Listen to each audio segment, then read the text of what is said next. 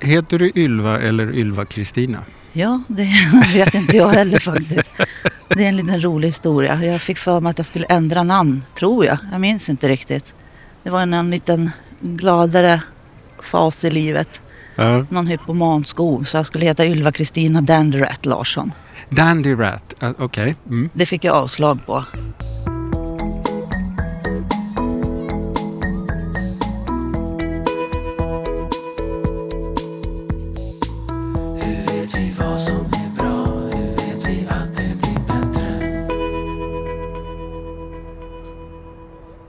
Kafferast i Kunskapsfabriken. Från början har du mest kallats för Ylva Larsson. Ja, med Kristina som mellannamn. Så då, oavsett hur många namn du har. Du börjar med Ylva och slutar på Larsson och däremellan finns det några alternativ. Ja, Du är välkommen till Kafferast i Kunskapsfabriken. tackar, tackar. Och eh, anledningen till att jag har bjudit in dig hit är, eh, det är dels, man kan väl säga att det finns i samhället sedan ett antal år tillbaks en eh, bredare debatt om det här med samsjuklighet, det vill säga kombinationen av missbruk och beroende i, för, i kombination med psykisk ohälsa eller sjukdom. Ja. Och där har eh, det har varit mycket debatt och det har tillsatts utredningar och vi på NSBH har förstås synpunkter och tankar kring det. Men vi har också upptäckt att i våra organisationer så, så vi, vi kan inte riktigt tillräckligt om den här frågan heller. Utan det är en ganska komplex sak det här med att Mm. försöka hantera både ett missbruk eller ett beroende och psykisk ohälsa. Alla kan nog förstå att det hänger ihop. Och om man har bägge delarna så påverkar de varandra. Och vi vet att vården ofta funkar ganska knaggligt för er som har, har den här kombinationen. Mm. Eh, och därför tänker vi på NSBO under den här hösten att ja, men då måste vi ju lyssna på er. Vad, hur, hur är det, vad, är det, vad är det som händer? Hur, hur förstår man själv situationen när man har både ett missbruk och en psykisk ohälsa? Och då är du en av de personerna som har kommit med i en referensgrupp som vi har. Du är också Hjärnkollambassadör Japp. och det blev du 2014. Ja, och det var nog någonstans där som jag kom på att jag har ett missbruk. Ja. Eller insåg att det är ett problem och det tog tag i det. Mm. För du hade en psykiatrisk diagnos innan? Ja, det är bipolär ADHD, PTSD. Som Ja. också är en diagnos som växer sig större, blir väl också, Mm. bör pratas om mer. Ja, definitivt. Mm. Ja. Men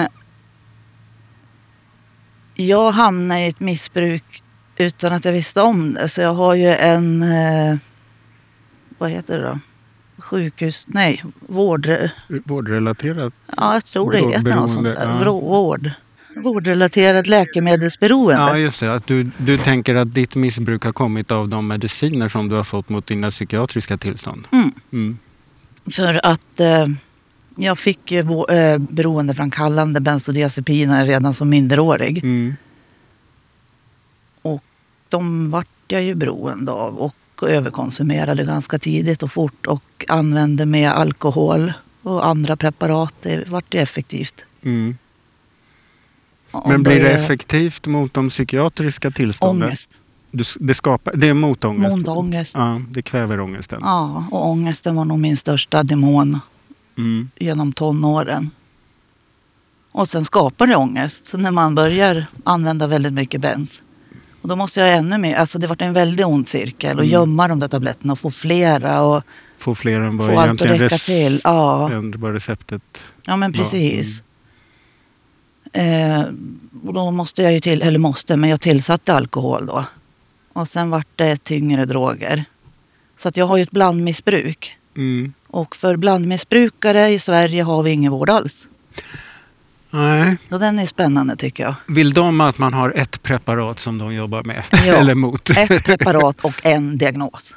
Ja, just det. Och Helst. du hade ju redan minst tre psykiatriska diagnoser och så missbrukar du benzo, alkohol och ytterligare substanser. Då. Amfetamin främst. Ja. Men eh, sen har jag varit inne på allt annat.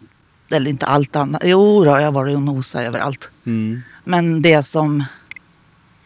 De tre substanserna var väl mina huvudingredienser. Mm. Så. Blir man liksom... Blir man bra på att hantera dem eller blir det bara ett jävla kaos av det? Nej, jag var duktig. Ja. Alltså, nu behöver jag lite sånt där. Och, eller, Ja, alltså din egen apotekare? Ja, jag var min e- egen apotekare, helt klart. Ja. Alkohol vart jag helt totalt kaos och dum i huvudet av. Mm. Och jag utsatte mig själv och förmodligen andra för hemska saker alltså. När du var på fyllan. Ja, Men då var det också en fylla som hade mycket annat i botten. ångest och förtvivlan, desperation och, Amfetamin och, och- benzo.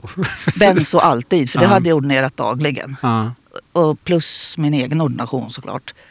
Alltså den, den är livsfarlig den kombinationen. Mm. Den är verkligen livsfarlig. Men mitt i det här kaoset då, eller vad man nu ska kalla det, Ja. den här eh, typen av situation, så, så blir du järnkollambassadör.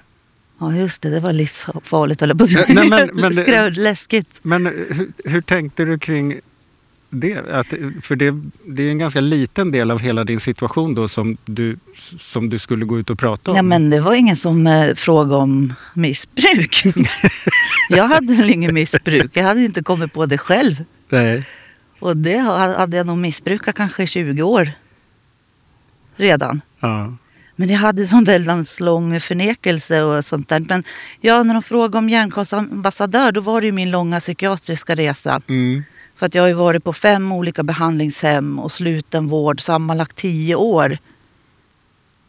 Eh, heldygnsvård. Mm. Och sen lite hattefnatt hit och dit. Hur gammal är du idag? 45 ganska Ja. precis. Och du har varit i psykiatrisk vård sedan tonåren då? Ja. Mm. Så, så det har ju mycket i bagaget. Men då kom jag ihåg, och då var jag livrädd också, var jag verkligen rädd. Men jag, men jag trodde inte jag skulle vara med.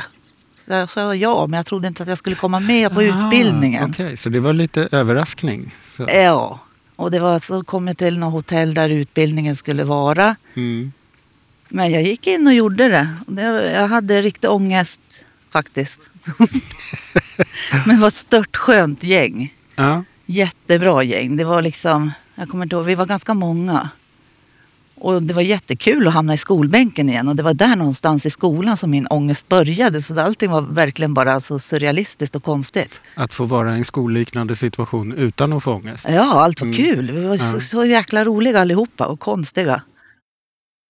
Jag är väldigt duktig elev måste jag säga. För att eh, jag tror att det var Anneli eller Susanne som sa att vi ska vara ansiktet utåt för psykisk ohälsa.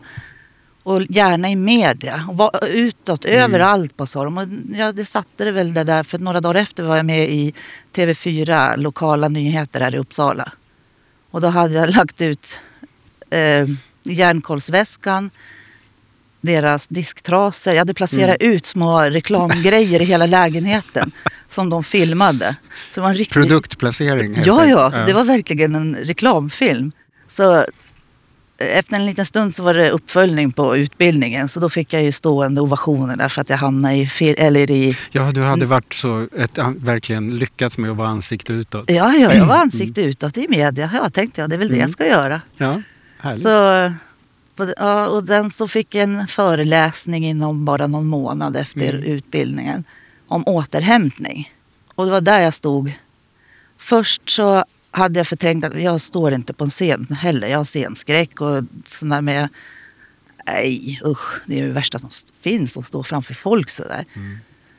Och jag hade väl en, ett manus i bakhuvudet vad jag ville få fram och allting. För jag har mycket som jag vill få fram. Men ungefär en halvtimme, tre kvart före jag ska stå på scen så sitter jag och en kompis på station och tar en öl eller två.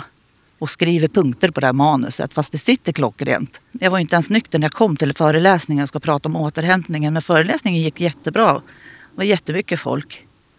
Och hela tiden så står jag och tänker, fan står jag och ljuger? Jag står och ljuger. Ja, ja, så jag fortsatte prata, men jag ljuger, jag ljuger. Och eh, jag mådde inte alls bra. Mm. Och så skulle jag gå vidare till en föreningsträff med balans. Och jag ville inte. Jag försökte slingra mig men det gick inte. Det var någon som tog en armkrok och så skulle vi gå vidare. Och jag kände bara att ja, det här går inte. Det, det var jättekonstiga känslor var det. Så jag mådde väl inte alls bra. Det var som en inre som slet och drog åt alla håll. Mm. Och det var väl då det gick upp för mig att jag står här liksom och, och pratar om återhämtning och min resa och jag ska inge hopp, för det skulle man också Mm. göra.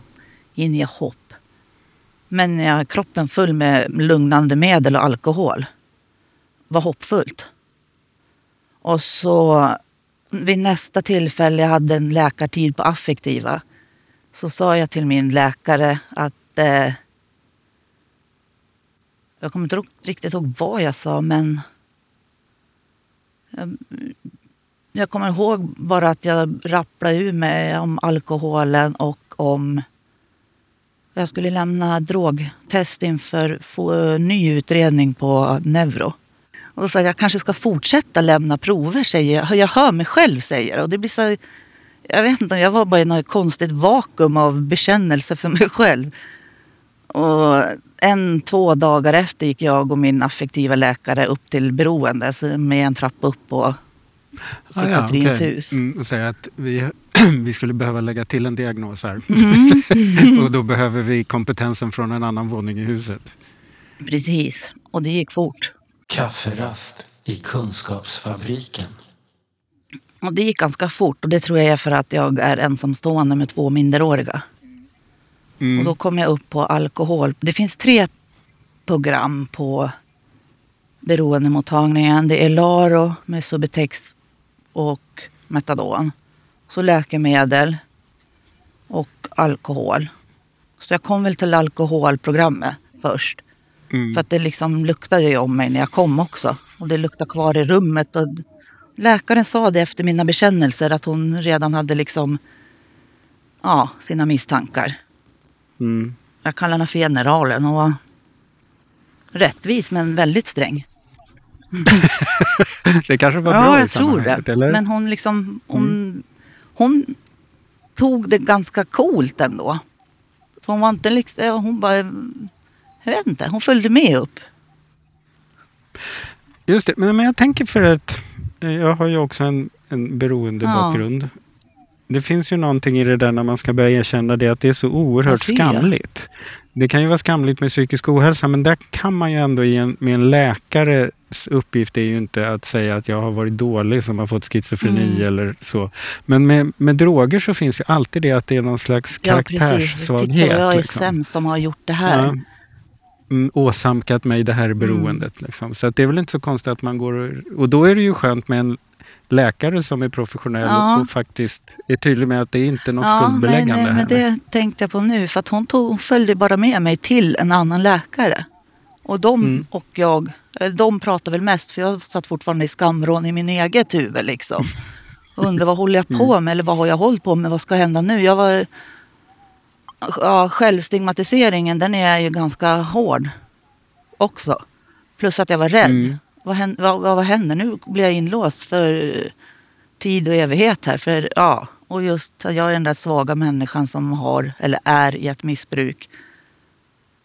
Ja, så mycket. Ja, och nu blir jag av med den här snuttekudden. Den är ju också att släppa. Hur ska jag klara mig nu? Hur i helvete ska det här gå liksom? För det är det enda som har funkat. Och då har jag haft vård sedan jag var 14. Och släpper den, ja det är bara sex år sedan. Det, det är mycket, ja.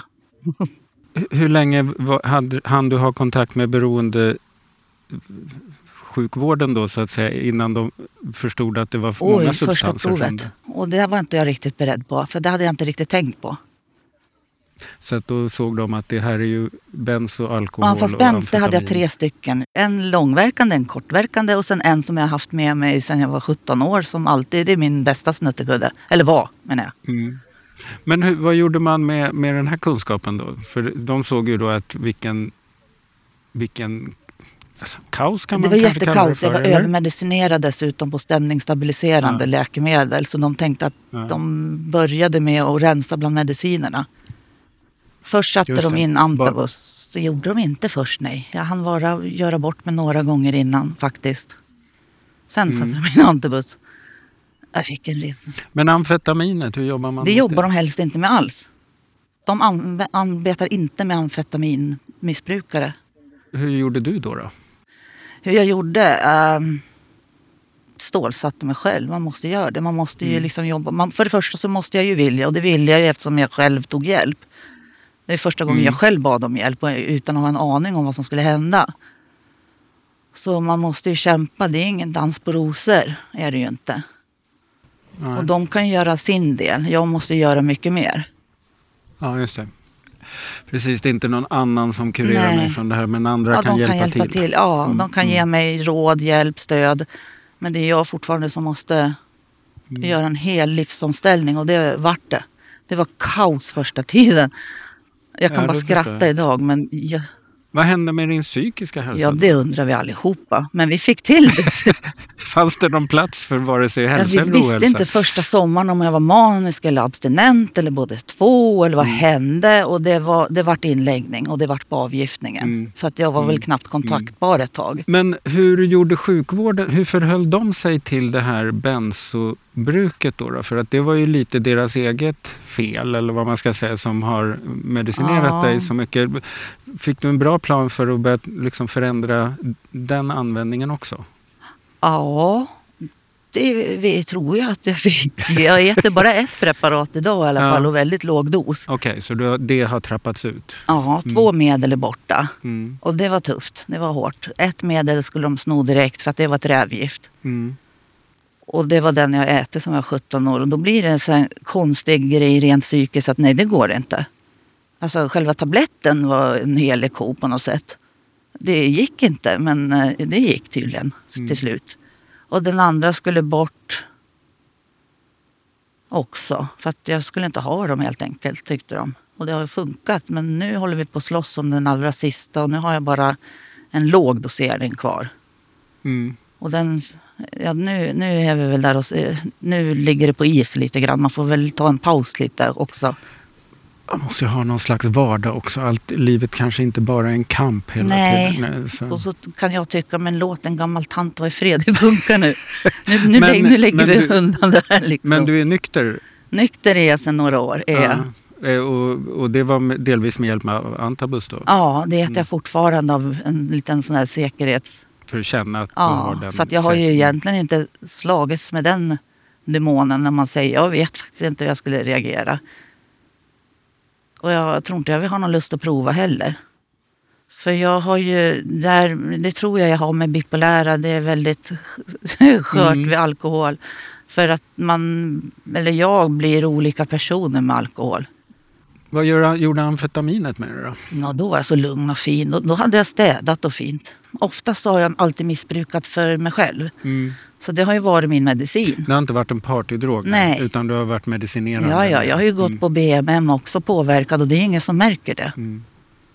Det märks inte för att jag, jag är lugn och samlad och Mm, ganska smart. Tycker jag själv i alla fall.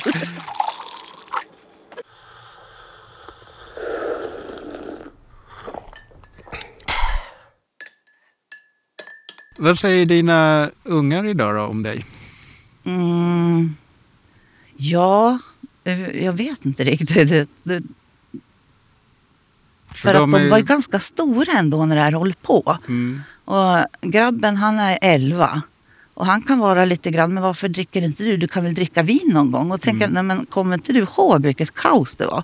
Fast, mot, ja jag vet inte. Ja men drick whisky då, då behöver du bara så här lite säger han. Och liksom måttar upp en centimeter med fingrarna. Ja, jo, det, Mm. så kan man ju tänka. Men Är det kanske längtan efter att ha en normal mamma? Eller något? Ja, och så Mm. minns jag Tuva när hon kanske var 6-7 år, en midsommarafton. Min mamma dricker inte alkohol, säger hon högt och stolt. Mm.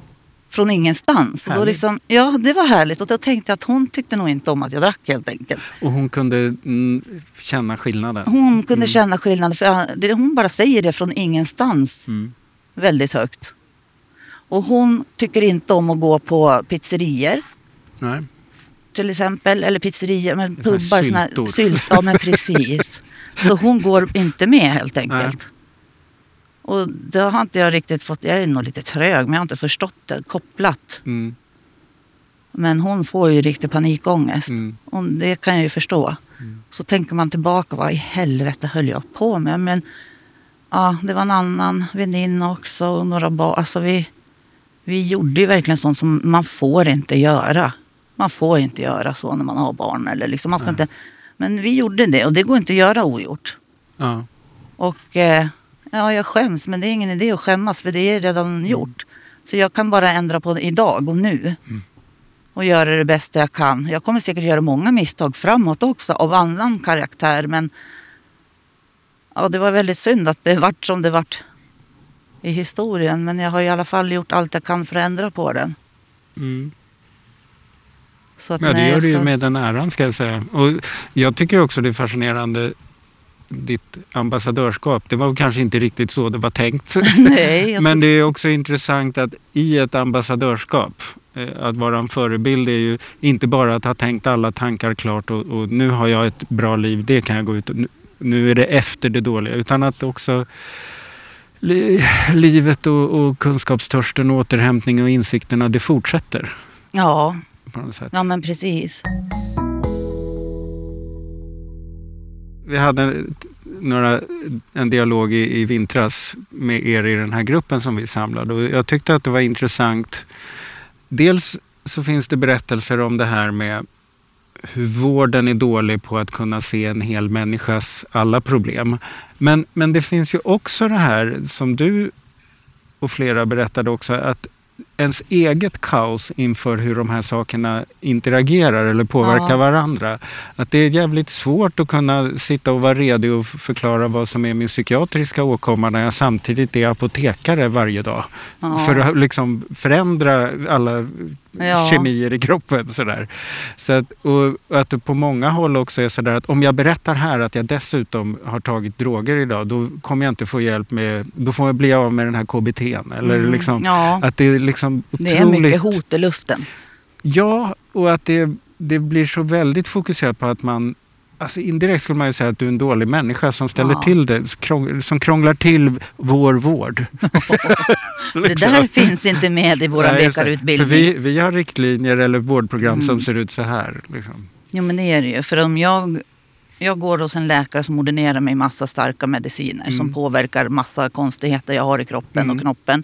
Och jag går och sidobrukar. Då kan ju inte han ansvara för det han tillsätter Nej, mig. Och det förstår ju jag. Mm. Men jag skiter väl jag i. Jag behöver ju det där andra Mm. bredvid. Och det han ger mig. Mm. Då vågar jag ju inte säga något för jag behöver ju kombon. Tycker Mm. jag. Mm. Som inte är utbildad någonstans. Men Mm. det funkar ju. Hans bara för, alltså, du, men jag förstår ju att den läkaren inte vill vara ansvarig när jag dör. Nej, just För det är det han överdos. blir. Ja, just det. För att eh, så här mycket, Eller hon då, mycket ja. skulle, skulle hon inte ha tryckt i sig. Vi var Nej. överens om det här. Ja, precis. Hon skulle ha 70 milligram Mm. ADHD-medicin. Hon tog två gram av något annat på gatan. Ja, just det. Det blir väldigt Mm. fel. Ja. Och, eh, så att ärlighet, det, det bygger jag min... Där har jag alltid varit mycket, eller ärlig som person, det är jag. Men jag har blivit extra ärlig sen jag började inse att det funkar. Nej, men, mm, sen jag kom upp till beroende faktiskt så är jag väldigt noga med att eh, det är ingen idé att ta vård om inte jag är ärlig. Det är ingen Nej. idé att jag ber dig om hjälp om jag går och gör något annat hitåt. Nej, just Det det. är ingen idé. Men sen så, Mm. då ska man ju ha kommit långt och är jävla envis och tjurskalle eller något. Jag vet Mm. inte vad man ska. Men jag har en väldigt tydlig vårdplan. Det står om du tar ett vård, eller återfall av amfetamin, då ryker ADHD-medicin. Och det står ju där. Jag kan ju välja att komma in på sjukhus då och inte bli sjuk. Ja, istället för att börja labba själv. Ja. Ja, Och då är vi tillbaka till din uppriktighet och ärlighet där. Att då gäller det att gå till sjukhuset och säga att nu håller det inte.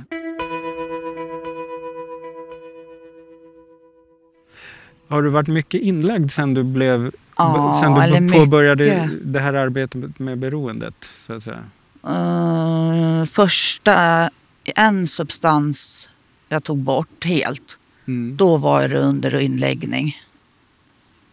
För att själva abstinensen var så besvärlig? Ja, och att Mm. jag valde att ta det lite snabbare än... Mm. Och då Brukligt. behöver man ha uppsikt. Ja. Men har, du, har din bipolaritet eller din PTSD blivit svårare också när du har Ja. slutat med det? Ja. Har du varit inlagd för det? Ja. Mm. Ja. Och det kanske var skov eller eh, episoder som du hade kunnat stävja med dina... Med substanser, absolut. Ja. Det hade gått mycket smidigare. Mm. Oaktat att mycket annat Fast inte det hade hade gått så blivit jädrans smidigt. mycket biverkningar. ja, just det. De är värre, men då, då fortsätter man ju. Mm. Då, gör man, då laborerar man med... Alltså, oj, oj, oj. Utan det blir, ja, turbulent. Men det är det när, de när, när vi har skalat av en massa substanser hit och dit så är det ju som att du har ju inget skydd eller försvar alls mot... Eller mot? Jag är helt plötsligt mig själv och det är ju lite läskigt för det var ju den jag försökte döva från början. Eller allt som jag inte klarar av att vara. Och det liksom går bara själv på ICA tycker jag är jätteläskigt så det gör jag ju inte ens. Men det kunde jag göra om jag var lite glad i hatten eller någonting. Eller Ja, Jag har ju sån man kan, social eh, liksom, panik. Ja, just det. Man kan liksom pusha ut sig till något som liknar en vanlig vardag kanske med Ja. de där drogerna. Ja. Mm. ja.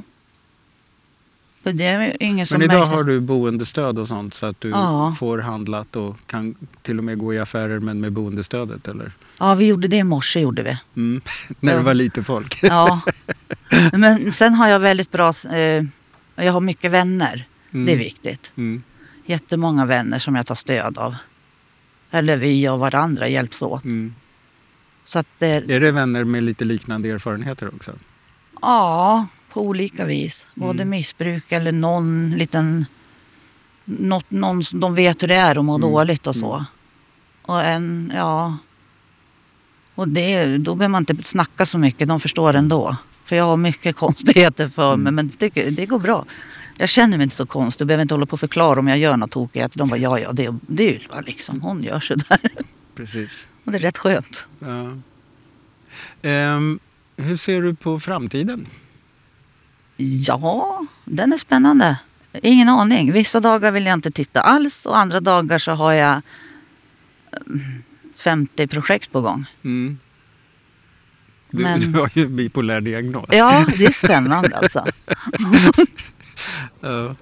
Men eh, om man tänker, hur ser din vård ut? Känner du, nu sa du att du var på Mm. en, platå, liksom, en nivå där, där det rullar på lite. Men, Mm. men känner du att det, det, det finns någon slags fortsatt process både för Jag hoppas det. beroendet och, och det psykiatriska? Jag har ju en vård som faktiskt inte riktigt finns än.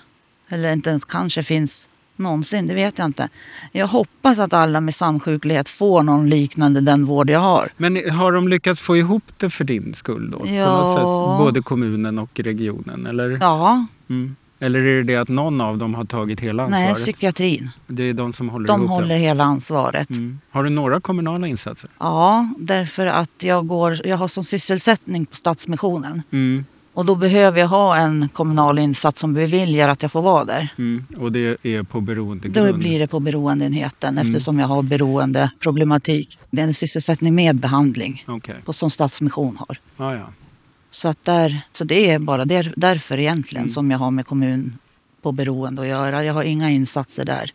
Utan psykiatrin sköter allting. Jag har en fast läkarkontakt, en fast sjuksköterska kontaktperson och tidigare en fast psykologkontakt. Men hon slutade. Men då fick jag följa med henne dit hon började. Eller, Mm. Ja, ja, du fick följa med? Ja, det. fast Mm. hon jobbar ihop med mitt team fortfarande. Då. Mm. Och sen så har jag alltså behandlare på Stadsmission och så har jag en här på det är många är det, men alltså det är en tät kontakt också. Ja. Du känner inte att du ramlar mellan stolarna? Nej, liksom? för fan. För jag det har- finns ju ganska många personer där, ansvar, där du ändå skulle kunna hamna i någon slags mellanrum Ja. hela tiden, men det känns inte så. Nej, det är så tätt. Jag hinner inte ens smita mellan stolarna. Nej, det är bra. Och det är så miss... Alltså det måste funka så tror jag. Mm. För att som, man smiter ju så fort man får en chans annars. Just den här lurendrejeriet Mm. som spökar hela tiden. Liksom, minsta lilla chans man kan smita så smiter man fast man inte vill. Mm. Och då måste det finnas någon där som... Det är verkligen en skithjärna man får av Ja. beroende. Så det är, den är smart och snabb. Smart och snabb och dum i huvudet. och den är min. ja, just det. Jag vill inte. Dum kombo. Mm. Eh, Så liksom tät kontakt, kontinuitet och liksom... Och så det här med tilliten som man Mm. inte har. mm. Och som tog mig jättelång tid. Är det tillit till dig själv eller tillit till något annat? Ja, jag vet inte. Mm. Och så tilliten till vården som inte finns. Men Mm. ändå så är jag, jag är liksom nästan, nästan över tröskeln. Men jag är inte över tröskeln. Du är fortfarande misstänksam? Ja. Mm. Och ändå har jag det bättre än någonsin. Men det kan bli bättre, det är jag övertygad om. Och jag kommer att hålla mig till de Men ändå har jag den här känslan av att de slänger snart ut mig. Jag har snart gjort bort mig. Och att du, är det så då när, varje gång du är där att du känner att nu gäller det att jag försvarar min plats Ja. här? Så.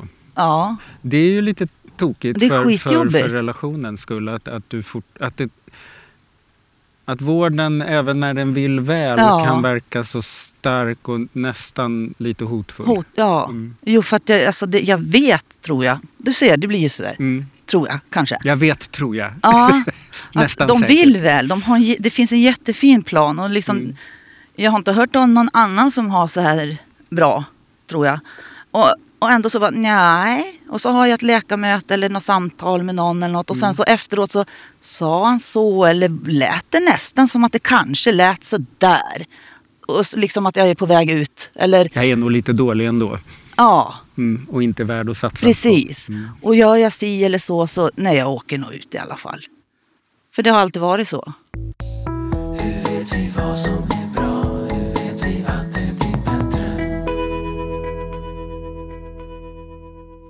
Men jag tänkte på en annan sak, för det där du pratar om tilliten och din att du insåg att du själv faktiskt tjänar på att vara väldigt öppen och Ja. ärlig och sådär. Vad hade kunnat få dig att bli öppen och ärlig tidigare? Ja, att jag själv faktiskt fattade Att det hängde Tidigare. ihop? att det hängde ihop och att det är ett problem. Men jag tyckte väl att det var helt naturligt och nej, jag tyckte inte, jag blundade ju. Jag Mm. ville, jag tänkte inte ens på, och så dolde jag det. Jag förnekade ju så länge själv. Men Mm. jag kommer ihåg lite så här små frekvenser när man tänker tillbaka när man ska göra manus till föreläsningar eller någonting. Att redan när jag var runt en 21-22 år satt jag i en lägenhet eh, i något kvarter här. Eh, alltså som jag hade, bodde i själv och vågade inte gå till OK. Jag skulle gå och köpa folköl. Mm. För att jag behöver folköl för att gå ut till mina Sobril eller någonting. Mm. Men jag kunde inte gå dit och jag hade inga hemma och det var panik. Och jag kommer ihåg att jag reflekterade över att det här är inte riktigt normalt. Jag hade tagit mina tabletter men det hjälpte inte. Jag behövde en folköl också.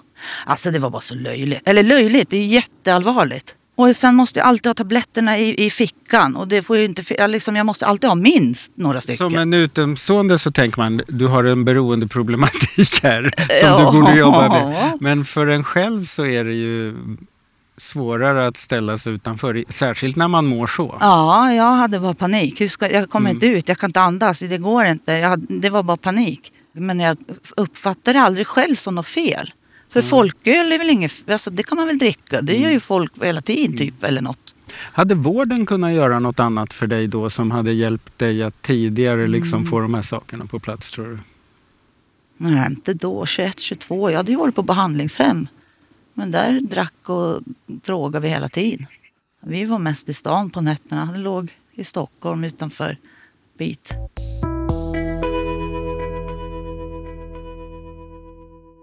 Har du haft några sådana där drömmar genom åren som du tänker att nu kanske jag kan börja förverkliga det eh, idag? Liksom? Nej. Nej, jag har nog inga drömmar direkt. Eller jo, jag vet inte. Inte direkt. Jag har väl... Jag har alltid velat jobba om man säger med människor och det. Men jag tror inte det blir så. Utan jag kommer nog jobba lite. Eller jobba kommer jag nog inte heller göra. Jag tror det blir att jag skriver böcker eller Mm. föreläser om jag kommer över scenskräcken eller någonting sånt. Mm. Och hjälper människor på det sättet. Du bloggar ju. Du skriver för RSMHs Ja. blogg. Vi ska lägga ut länkar till dem. Eh, det var ju där jag hittade dig också lite Ja. grann. Så, när du skrev om de här sakerna. Ja, och just samsjuklighet kommer jag nog att hålla på med som allra Mm. mest. För att det är som sagt så är att gå ut och erkänna att man har en missbruksproblematik, det gör man bara inte. Man frågar ju inte ens om varandras dryckesvanor liksom. Det, det är ju totalt tabu. Mm. Att gå in i väggen eller ha en utmattningsdepression, det är ändå okej. Men att ha en, en missbruksproblematik, det är inte okej. Nej. Och speciellt inte som kvinna. Och absolut inte som småbarnsmor. Nej. Och definitivt inte om du dessutom har en liten kokobello-diagnos i grunden och liksom aldrig levt i samhället. Jag är typ inte alls någon bra reklam för Sverige alltså. Eller så är det precis Så det du jag, så jag, jag, men jag känner så här, jag har ingenting att skämmas över. För varför då? Det enda jag kan göra det är att ta ansvar. Mm. Och det största ansvaret, det tänker jag inte ta för någon annan. Det tar jag för mig själv och mina barn. Mm. Det är för deras skull jag började ta ansvar. Mm. När jag insåg att shit, det här var inte så bra. Pratar ni något om det där idag? Eh, Vi var lite inne på det tidigare, men, men har ni Mm. något samtal idag om... om Ja, jag öppnar upp till samtal ibland. mm, Vi är väldigt öppna i, om mående och generellt sådär. För att jag tycker att man ska vara öppen och att det inte blir några konstigheter och det.